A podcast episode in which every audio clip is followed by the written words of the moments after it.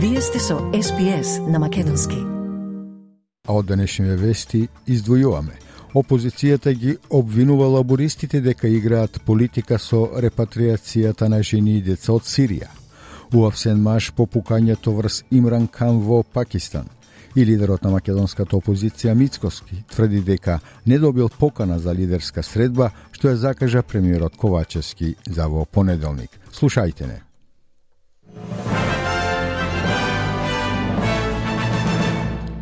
Локалните жители во градот Форбс во Нов Јуженвил се подготвуваат за најлошата поплава во последните 70 години. На околу 1000 луѓе им е кажано да се евакуираат на повисоките места, бидејќи излејаната река Лахлан се искачува кон границата од 10,8 метри, ниво кое не е достигнато од 1952 година. Градоначалничката на Форбс, Филис Милер изјави за ABC дека има голем број новодојденци во градот кои предходно не доживеале искуство со поплави, но тие се убедуваат да останат смирени. I think we prepared our community well. I think even those new people, we um, we're a very engaging community and resilient, and we help one another. So I think I think we're okay. Um, it's just the unknown uh, of where this water may end up.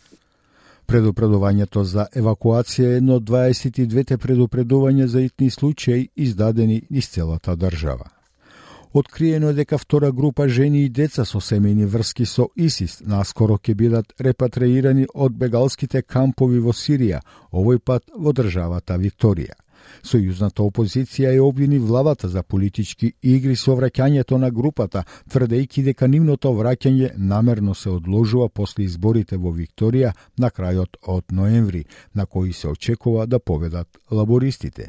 Лидерот на либералите Питер Датон изјави за Канал 9 дека репатрирањата исто така се направени без консултации. Работата на владата е да се погрижи австралијците да бидат безбедни и да не воведат во систем елемент на ризик, а тие го направија токму тоа, рече господин Датон и обвини дека немало, како што рече, ниту грам консултации со нив, мислијќи на членови на заедницата во Западен Сиднеј кои имаат изгубено роднини од конфликтот со ИСИС.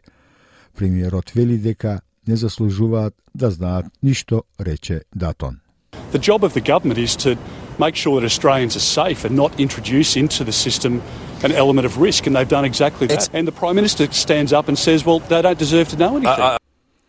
Вице-премиерот Ричард Малс вели дека тврдењата на опозицијата немаат основа и дека сите одлуки кои ги носат се засновани на недобрите совети за национална безбедност.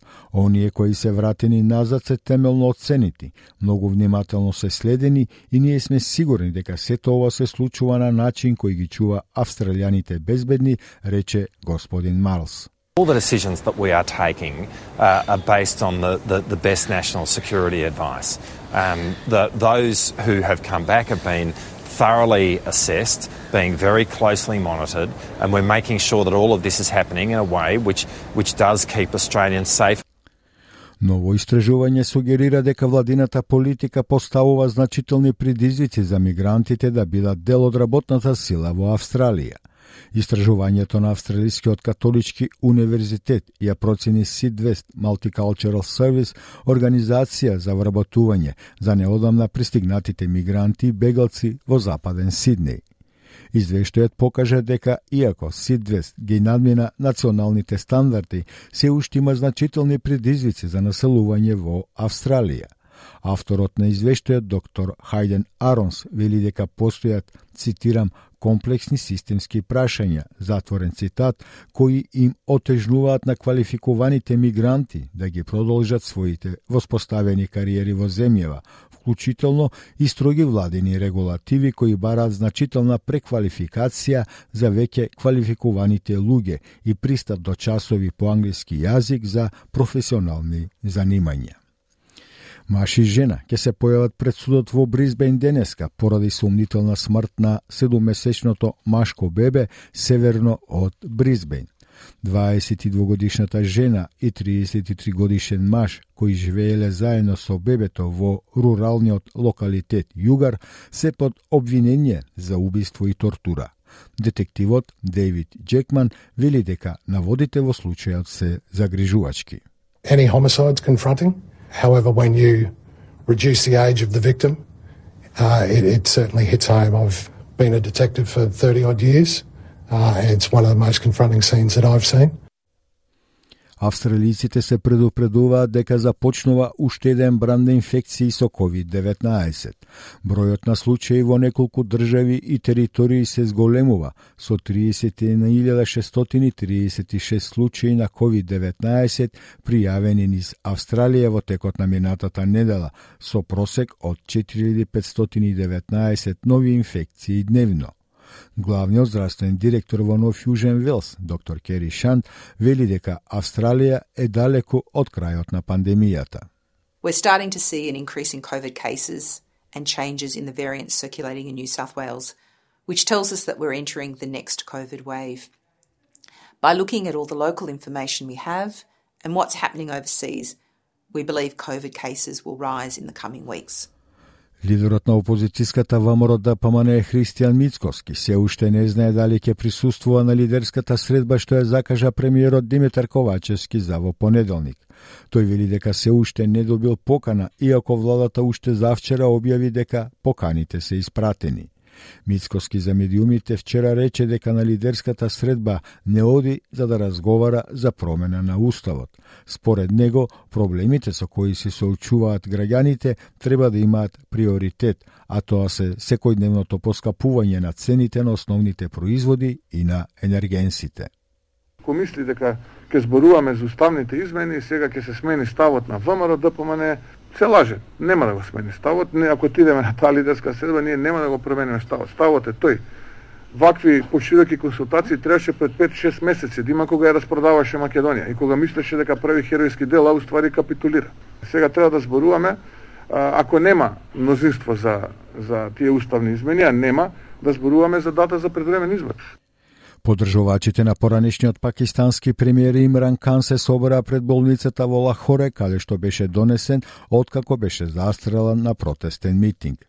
70 годишниот Кан беше опериран во болницата Шаукат Канум, а докторот Файсал Султан потврди дека Кан е во стабилна состојба. Imran Khan was brought to this hospital. I am happy to tell you that his health condition is stable. We did his emergency evaluation, in which we did x rays and some scans. We found bullet fragments in his leg. The bone of another leg is a little chipped. Во престрелката е убиено едно лице, а освен Кан, други девет се повредени. Насилството покрена нова загриженост за растечката политичка нестабилност во Пакистан, земја со долга историја на политичко насилство и убиства. Јапонија издаде предупредување дека Северна Кореја истрелала уште три балистички ракети оваа недела. Министерот за одбрана на земјата Јасуказу Хамада рече дека ракетите биле лансирани кон исток од територијата на Северна Кореја и паднале во Јапонското море надвор од нивната ексклузивна економска зона. Тој вели дека серијата брзо ескалирачки провокативни акти од Северна Кореја, Јапонија ги смета за закана за безбедноста на земјата, регионот и меѓународната заедница. As this also contravenes the resolutions of the UN Security Council, our country has strongly protested and condemned North Korea through our embassy in Beijing. Според Соединетите Американски држави, со овие активности Северна Кореја прекршува повеќе резолуции на Обединетите нации. Представникот на САД во Обединетите нации, Линда Тома Гринфилд рече дека тие побарале и, токсос, и тен состанок на Советот за безбедност за да разговараат за ситуацијата.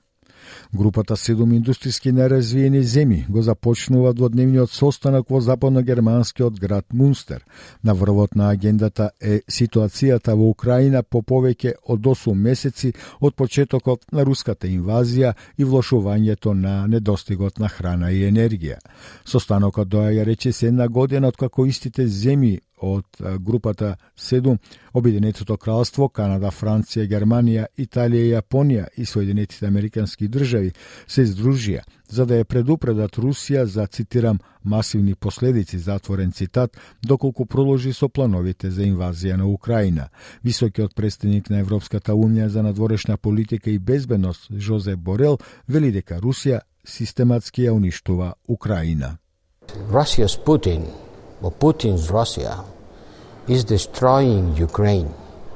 They cannot occupy it, they cannot win in the military, in the battlefield, they cannot win the war, and they are destroying the country systematically.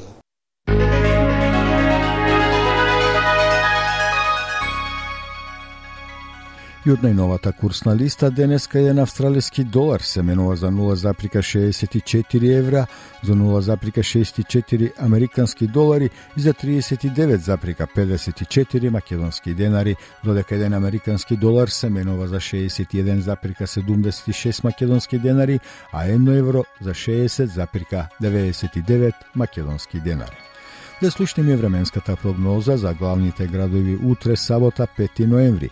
Перт претежно сончево со температура до 27 степени, Аделајд делумно облачно до 25, Мелбурн делумно облачно до 22 степени, Хобарт исто така делумно облачно, но со температура до 18 степени.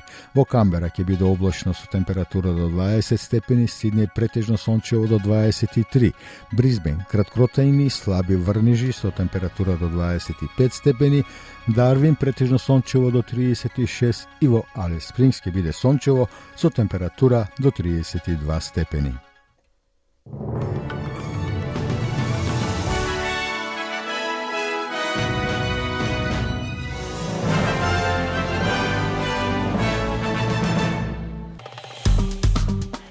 Стиснете, ми се допаѓа, споделете, коментирајте. Следете ја SPS на Македонски на Facebook.